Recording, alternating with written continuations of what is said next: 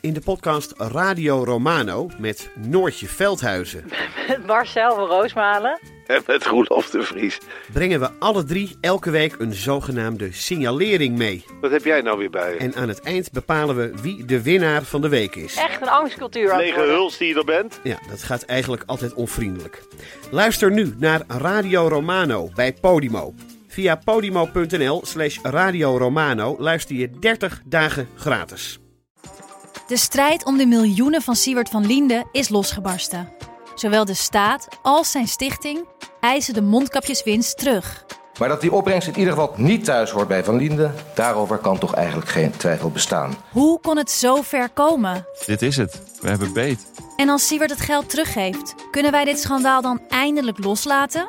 Je hoort het in de Mondkapjesmiljonairs, exclusief bij Podimo. Ga naar podimo.nl slash mondkapjes.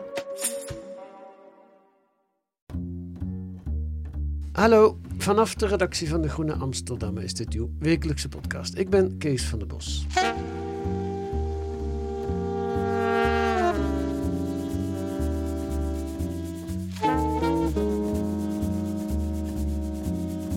De verkiezingsstrijd speelde zich niet alleen op straat af of in de media, maar ook op social media, de sociale media. Daar is hard gevochten. Meer dan 2 miljoen euro besteden de politieke partijen aan advertenties op Facebook en Instagram en dergelijke. Slimme advertenties zijn dat, gericht op heel specifieke groepen. Bijvoorbeeld op u als lezer van de Groene Amsterdammer of als u houdt van wandelen het blad Happiness misschien ook wel leuk vindt.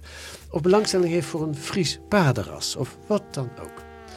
Wat is daarvan het gevolg? Waarom zijn er gebieden in Nederland waar bijna niemand zo'n advertentie krijgt? Wat zijn de regels voor microtargeting, want zo heet het? En houden partijen zich aan die regels? Over die wonderlijke wereld van microtargeting schrijven deze week in De Groene Eva Hofman, Joris Veerbeek, Fabio Volta en Koen van de Ven. En Eva Hofman en Koen van der Ven zitten hier in de podcast. Welkom Eva en Koen. Hallo. Hey. Uh, je hebt met z'n vieren gedaan, hè, het onderzoek. Ja. En moet ik dat snappen? Fabio en Joris zijn er vooral voor de data en jullie voor het schrijfwerk? Ja, dat is ongeveer waar het op neerkomt. Ja, Joris die, eh, die zit altijd eh, bij ons bij de Ja. Groene Amsterdammer. En eh, Fabio Volta is een onderzoeker van de Universiteit van Amsterdam. Ja, ja. Twee journalisten, twee wetenschappers. Twee journalisten, ja, in evenwicht. Eh, politiek als marketing is het eigenlijk. Het is eigenlijk hetzelfde mechanisme, even voor mij als niet zo'n digitaal goed onderlegd figuur, als dat ik in een eh, eh, mailtje aan Koen bijvoorbeeld schrijf dat ik bepaalde tuinmeubels eh, of tuinstoelen leuk vind en dan krijg ik de dag, dagen daarna allemaal advertenties van tuinmeubelen te zien. Dat is in principe hetzelfde mechaniek. Ongeveer, ja. Ja, dus inderdaad, het sociale medium heeft door wat jij leuk vindt en eh, Ja. past de boodschap daarop aan. Ja, En ook goed om te realiseren dat de, de tools van in dit geval Facebook, Instagram, Google zijn ook ooit daarvoor primair ontworpen. Ja. Dus nou, die zijn allemaal ontworpen voor het verkopen van spullen. Ja. En of dat nou schoenen is of kolen of tuinmeubelen. of politieke partijen. Precies, het maar idee is het ook wordt wel ding, politiek ja. ingezet. Ja. Ja. ja, ja, Nou kan je ook zeggen, dat is handig dat ze dat een beetje eh, targeten. Want anders krijg ik allemaal advertenties die niet over tuinmeubelen gaan. Terwijl ik daar nou juist in geïnteresseerd ben. Klopt, ja. Ja, bij, bij, bij consumentengoederen kun je zeggen, ja, dat klopt. Dat is heel slim. En bij, als het om politiek gaat, ja, is wel, eh merk, Kijk, daar is, daar veel meer kritiek op. Nou, Jammer gaan- met zo'n tuinmeubel is natuurlijk ook dat je eigenlijk een soort onderzoek wil doen, toch? Naar je, naar je lievelingstuinmeubelen. En je wil niet eh, dat ene tuinmeubel dat jou toevallig eh, ges- voorgeserveerd wordt. Nee, en het is ook bloedirritant soms. Want ik heb Ja. dan al lang een tuinstoel gekocht. Maar dan krijg ik, dat weten ze dan weer niet. En dan krijg ik nog steeds die advertentie. Maar dan krijg je die ene tuinstoel, toch? Niet allemaal verschillende tuinstoelen. Eh, zo goed heb ik het niet ook. nou, en op het, ja, dan gaan we meteen door. Ga ik ook Dan zitten we lekker problematiseren. diep, diep in deze metafoor. Kijk, als het verschil tussen tuinmeubelen en politieke partijen is dat, stel dat jouw buurman tuinmeubelen koopt, ja, dan heb je er eigenlijk natuurlijk niet zo gek veel mee te maken. Terwijl bij verkiezingen is een heel relationeel proces. Dus het doet er ook toe om te weten wat er op de markt is, in dit geval de kiezersmarkt, wat je niet gaat kiezen. Je moet ook weten wat de partijen waar je niet op gaat stemmen voor jou een petto hebben. En dat is wel een fundamenteel verschil met consumentengoederen. Wacht even, je moet ook weten wat de partijen die niet, waar ik niet op ga stemmen, bijvoorbeeld de BBB, ik zeg Ja, maar wat. nou ja, dus één voorbeeld zit in het stuk van een, eh, eh, eh, een wetenschapper die er veel mee te maken heeft gehad. Die zei, Kijk, stel dat je D66 bent en je zegt uh, wij uh, schaffen het collegegeld af. Ja. Nou, dan is het op zich logisch dat je dat op studenten target. Maar kun je zeggen, het is ook principieel belangrijk dat ook niet-studenten dat zien, want die zijn ook belastingbetaler. Die betalen straks mee aan die belofte. Of dat journalisten het zien, zodat ze daar vragen over kunnen stellen. Ja. En wat, waar wetenschappers voor waarschuwen, is dat als je heel gericht target, dat je de publieke sfeer als het ware opknipt. Ja. Ja, dan kan je daar weer tegen inbrengen dat daarnaast er altijd nog een publieke sfeer is, zoals debatten Absoluut, op televisie. en bushokjes en billboards Ja, en ja, mensen ja. die aanbellen. Maar goed, in tendens snap ik wel wat je, wat je bedoelt. En wat ik ook nog even duidelijk wil stellen is, dit is het verdienmodel van Google en Meta. Hè? Dus zij verkopen data van ons aan partijen. Data bedoel ik mee eh, wat, welke tuinmeubelen ik heb gekocht Mhm. en welke eh, bladen ik lees. Want daarmee kan jij als politieke partij je voordeel doen. Je denkt, ik wil die mensen die eh, veel van wandelen houden, die wil ik allemaal een, een eh, Instagram Precies. sturen. Ja. Ja. En die politieke partij, of die Google en Meta, hebben dus al meer dan 2 miljoen verdiend aan de verkiezingen. Van Ja, bij de Nederland. 2,5 miljoen. Ja, Ja. ja. Ja. Naast al het geld wat ze verdienen aan commerciële partijen. Ehm, goed, dat is, dat is één ding. En waar ik meteen aan dacht, in het Europarlement is volgens mij Paul Tang van de PvdA, Mhm. die wil dit juist eigenlijk afschaffen. Hè? Die wil die hele targeting Ja. eh, omhoog. Die wil dat verdienmodel eigenlijk aanpakken. Nou ja, en dat, eh, dat lukt hem ook best wel goed. Dus er, er gaat vanaf februari een wet in die politieke microtargeting ook, ook aanpakt. Ja, alleen de dus- politieke targeting. Ja, po- ja, targeting in het algemeen.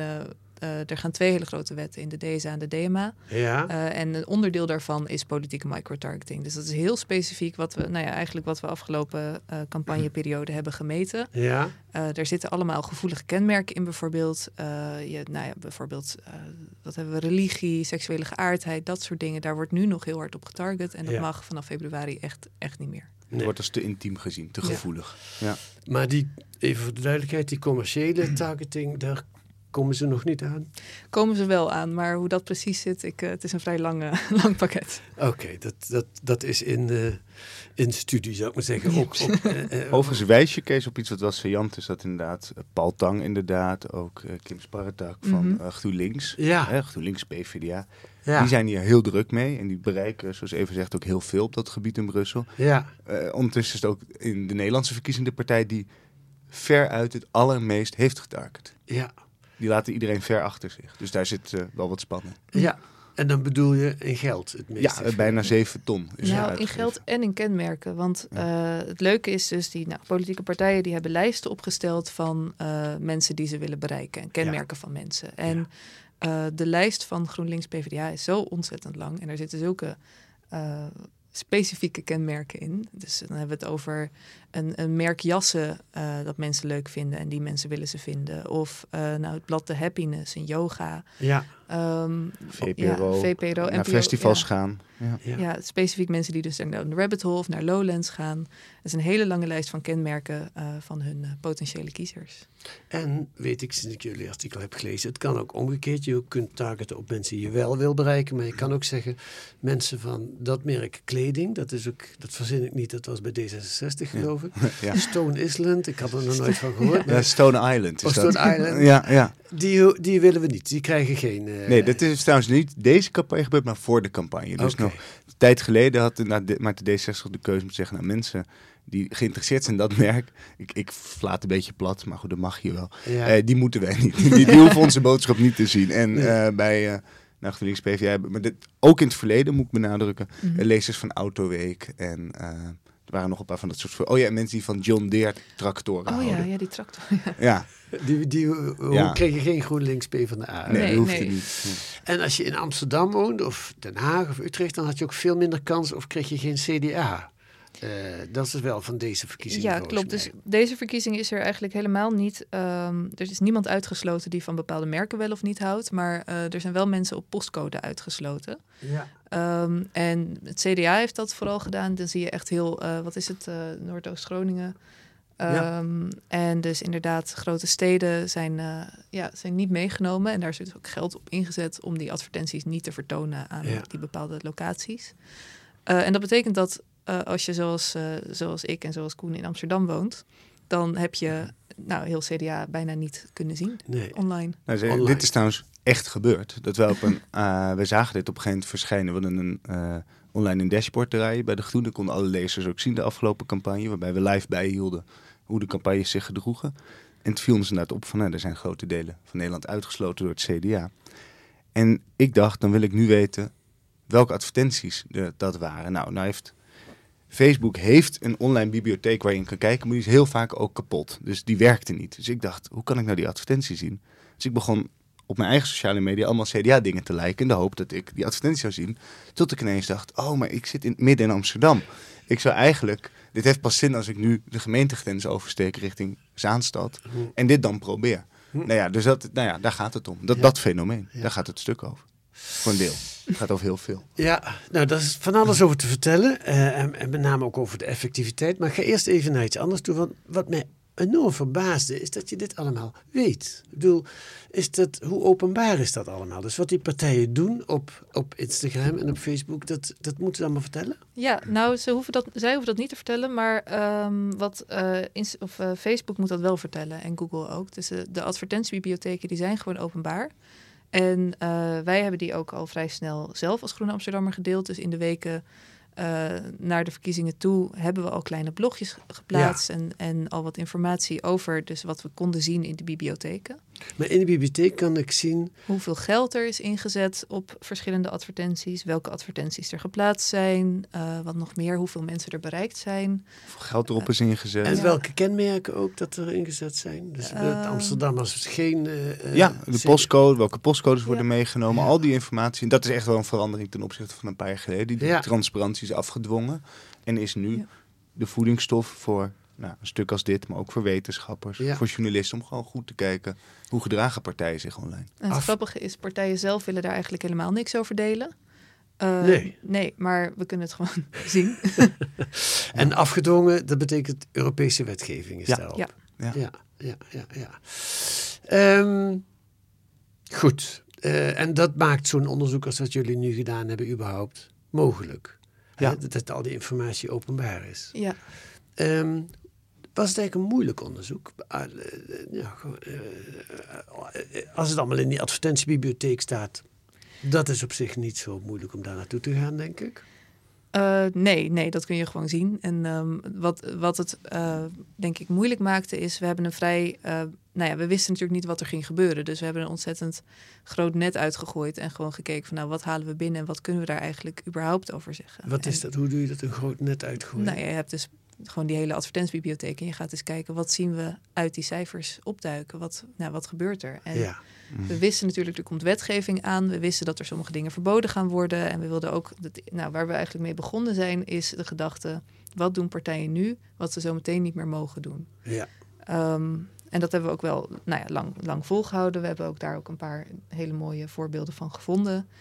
Ehm, maar vervolgens eh, belde Koen mij op donderdagochtend na de verkiezingen.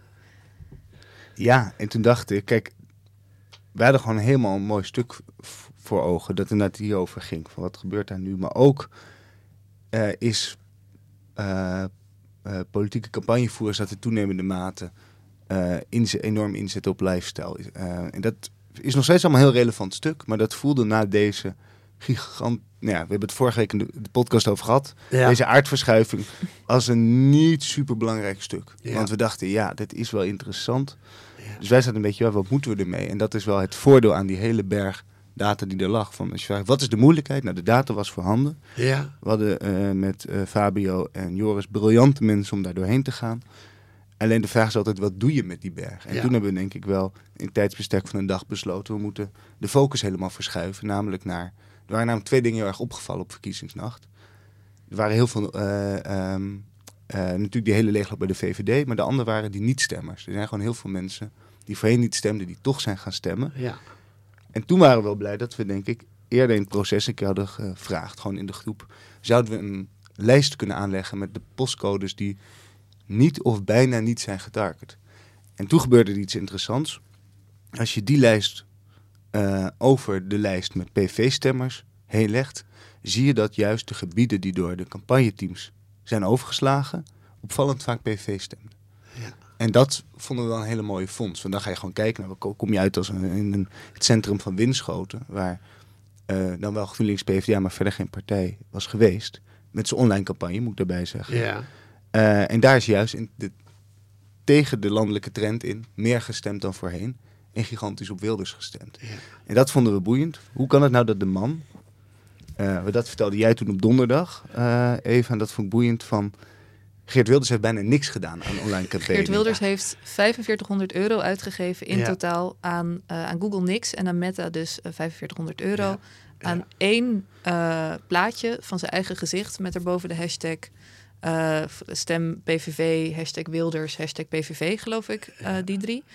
En dat was het. Ja. En Dat, dat, die Eh, 4500 euro is minder dan 1% van het online campagnebudget van Ja. GroenLinks PvdA. Ja. Ja. En dat gaf jullie het gevoel, ja, die man geeft er niks aan uit. En die wint met zo'n eh overmachte verkiezingen. Waar zijn we helemaal mee bezig? Wat is er? Nou ja, wat eh, toen en wat we toen gedaan hebben is eh, zo snel mogelijk en dat, nou, dan is het heel fijn om zo nauw met datawetenschappers samen te werken. eh, zo snel mogelijk opgevraagd hoe eh, posts online waar geen geld op is ingezet, hoe die het nou eigenlijk doen.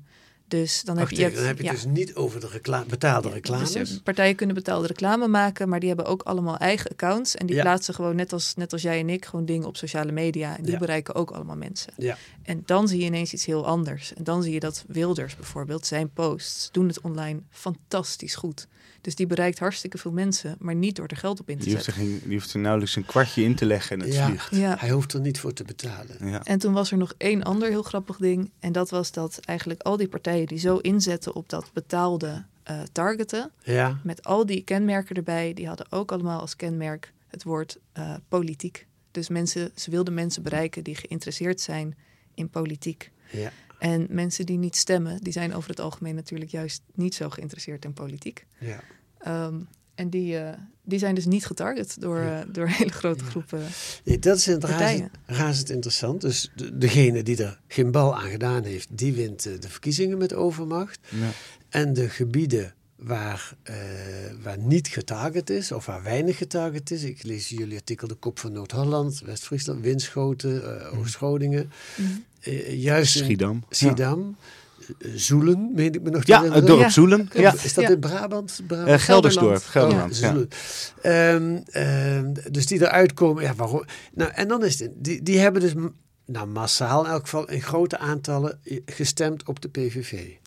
Nou is natuurlijk de vraag, hoe komt dat? Hè? Je, je- de eerste wat je denkt is, er is weinig getarget en daarom hebben ze op de PVV gestemd. Maar dat hoeft helemaal niet zo Nee, te zijn. dat hè? klopt. Het kan ook zo zijn dat die mensen, eh, de politieke partijen van tevoren dachten, nou in Winschoten is voor ons niks te halen. En daar hebben ze dus groot gelijk in gekregen, want die Nee, je mensen... helemaal gelijk, Kees. Kijk, wat het ding is, hoe komen die partijen aan de postcodes waarvan ze weten, daar moeten we juist wel of juist niet zijn? Ja, En dat kom je achter als je met politieke partijen praat van hoe maken jullie dat? Nou, die bestellen ieder geval heel veel van ze rapporten waarin windgebieden en eh, eh, niet-windgebieden staan gedefinieerd. En dat gaat inderdaad op postcode niveau. Dus zij weten, vaak ook binnen steden, dit is een vaste basis.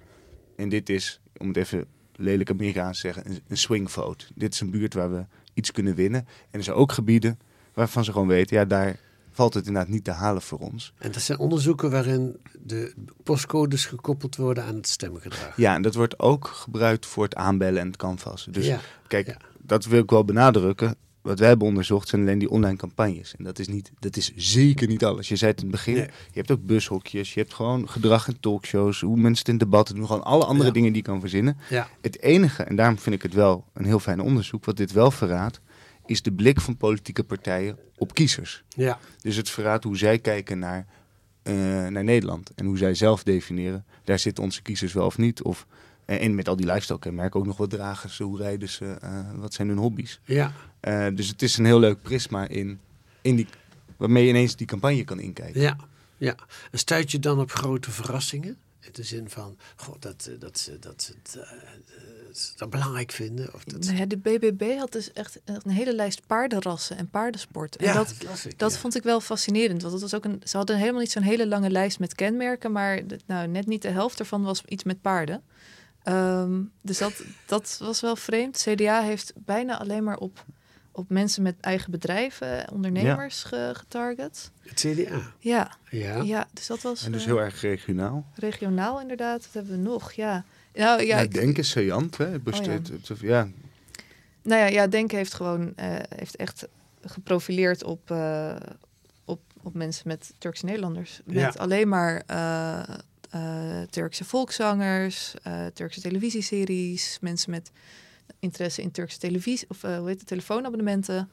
Eh, echt een hele ja. Turkse bankkaarten inderdaad. Ja. Dus die hebben ehm, ja, een hele lijst. Je mag dus eigenlijk al niet meer op, op eh, afkomst targeten. Ja. Maar ehm, wat partijen dan doen, is dat ze dat niet officieel op die manier doen. Maar ze maken wel een hele lijst met interesses die daar eigenlijk wel heel erg op lijkt. Ja. in één lijn daarheen Ja. gaan. Ja. Dan zeg je, ja, we hebben niet, ik zeg het even scherp, we hebben niet etnisch geprofileerd. Nee, Nee. we zochten alleen inderdaad naar mensen die naar Turkse muziek luisteren, die Turks bankieren, die Turkse simkaarten hebben. Ja, dat, en dat met het gebruik van dat soort proxies gebeurde eigenlijk dingen die in strijd zijn met eh, die Europese regelgeving. Ja, ja, die- dat vroeg ik me net Ja. af. Eh, Is die Europese regelgeving zo specifiek dat je kunt zeggen dat het daarmee in strijd is? Want ik neem aan dat daar niet in staat dat je niet op Turkse zenders en dat soort dingen. nou, ik heb daar ook een jurist over gebeld en die zegt dan wat juristen altijd zeggen, namelijk dat hangt er vanaf.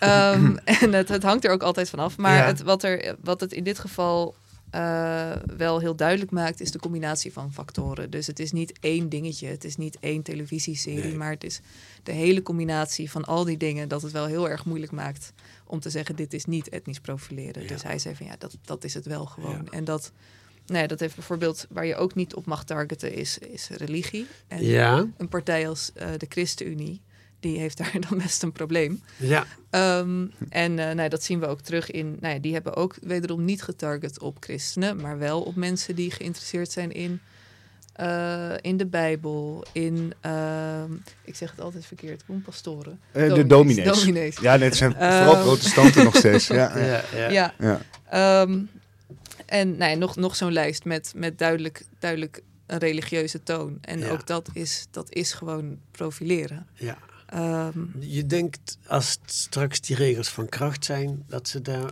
op aangepakt zouden kunnen worden. En wie zou dat moeten doen dan, dat aanpakken? Eh, ja, dat aanpakken dat gebeurt dan eh, via eh, verschillende landelijke privacy. Nou, in, in ons geval is dat de AVG. die- Ja, de, en de autoriteit persoonsgegevens Ja. in Nederland zou Ah, daar eigenlijk voor moeten waarschuwen. Dus Oh, Ralf ja. Wolfs heeft daar geloof ik ook wel iets van geroepen begin november al. En de vraag is ook van wie is er dan aansprakelijk? Is het dan een partij zelf of is het het platform dat dat Ja, ja, ja, faciliteert. faciliteert? En het Ja. zijn vooral de platforms die het zometeen niet meer mogen faciliteren. Hmm.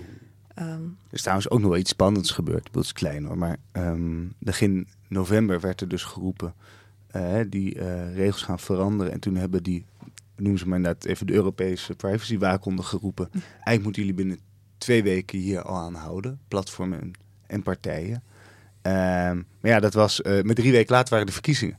Dus of even midden in campagnetijd iedereen kon stoppen hiermee. Ja, dat is echt eh, absoluut niet gebeurd. Nee. ik weet ook dat eh, toen ik daar een beetje over rondvroeg van, goh, heeft dit impact? Zei ook iedereen, nou nee, dat zien we na de verkiezingen wel weer. Ja, ja.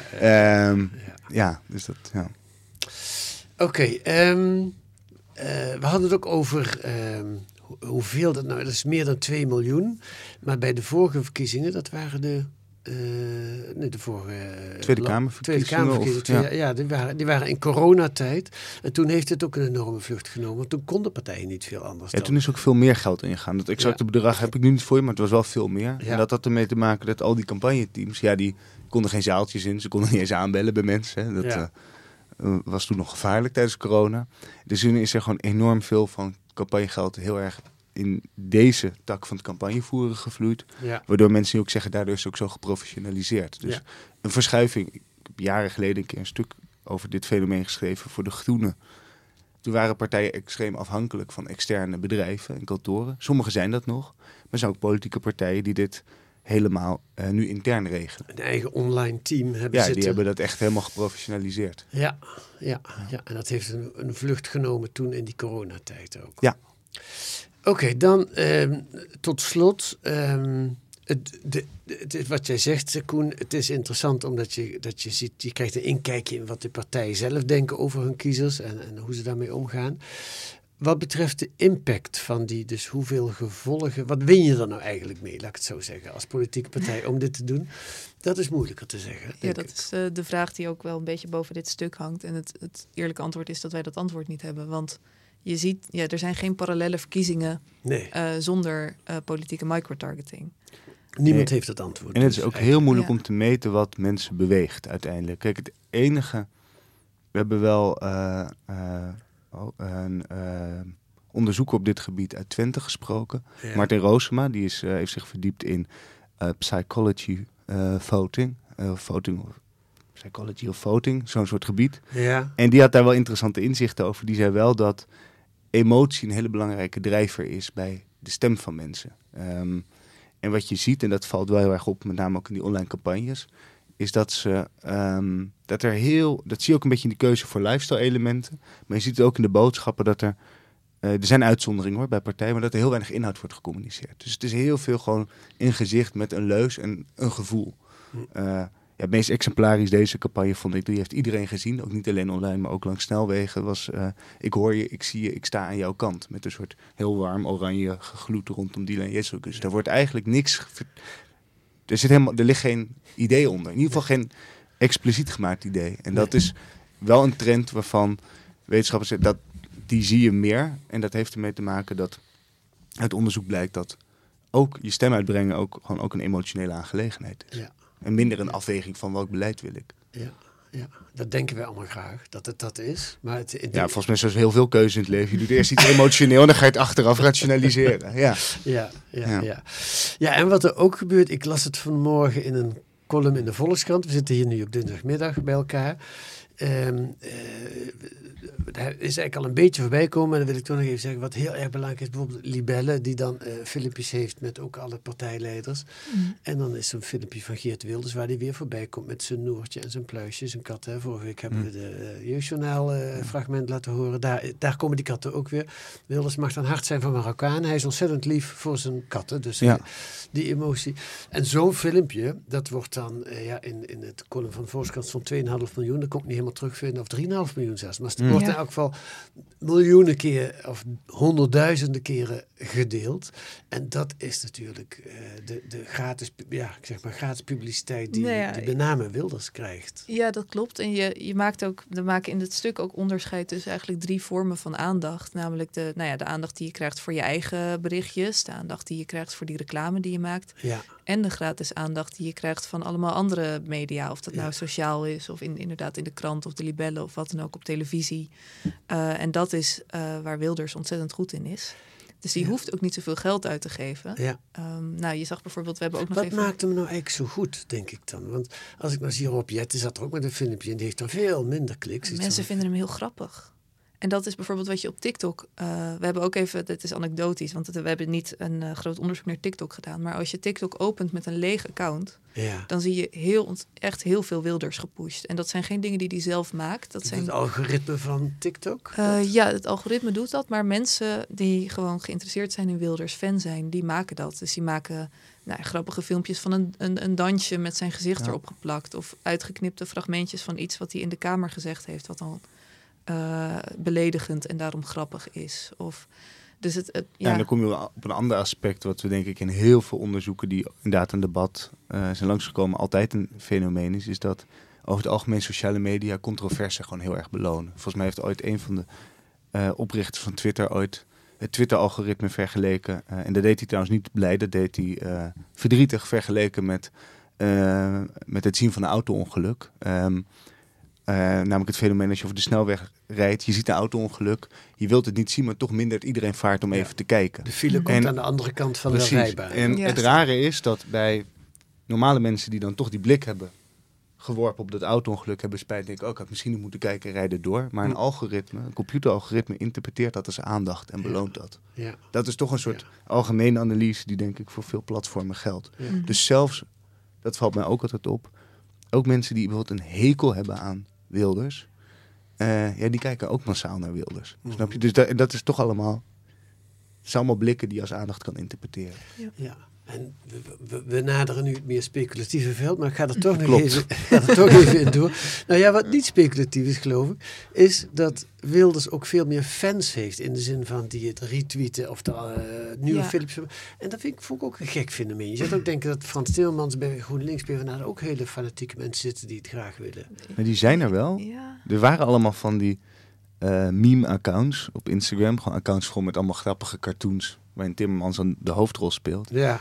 Maar echt vliegen deed dat, deed dat niet. Ja, dan is het dus ook de vraag van hoe vooringenomen is een platform en hoe, ja, hoeveel fans zitten er nou eigenlijk achter. Ja. Ik kan me in, de, in tijden van corona waren er inderdaad ook van die filmpjes van bijvoorbeeld eh, van die fancompilaties van Hugo de Jonge. Dat mensen hem heel, allemaal meisjes die, die Hugo de Jonge heel aantrekkelijk vonden, die daar dan filmpjes van aan het maken waren. Dat deed het volgens mij wel heel goed. Nou, Bernie Sanders is Bernie een fenomeen. Sanders, ja, Ja. dus het, is, het kan wel, maar Ja. het, het, ja, dus controverse blijft het hardst scoren. Ja. Maar de les is wel, je kan het uiteindelijk allemaal niet kopen. Maar dat Ber- ook wel, ja. ja. Bernie Sanders doet het ook goed op, eh, op social ja, media. dat is een soort fenomeen. Ook onder jongeren, daar worden altijd grapjes mee gemaakt. En die wordt eindeloos in plaatjes Het is een soort geplakt. knuffelopa van, eh, van links. Ja, ja, ja, ja. Goed, we zijn een beetje af van, het, eh, van de essentie van dit verhaal. Maar het, is- het blijft een hele interessante wereld. Eh dankjewel voor dit gesprek. Eh, Koen van de Ven en Eva Hofman. En laten we ook nog even Joris Veerbeek en Fabio Fotta noemen die meewerkt aan dit artikel. Dankjewel. Dankjewel.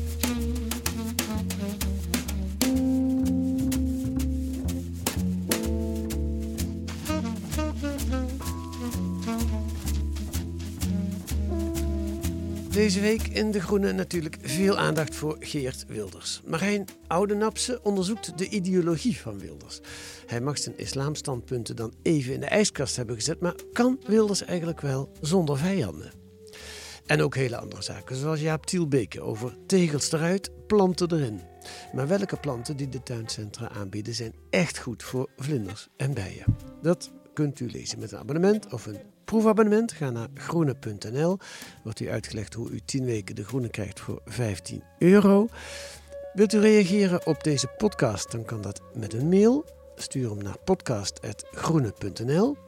Volgende week zijn we er weer met analyses en achtergronden bij het nieuws in deze podcast van de Groene Amsterdammer. Die deze week werd gemaakt door Mats Koeper, Wout van Zalen en Kees van der Bos. En de muziek is het Tune for N van Paul van Kemenade. Tot volgende week.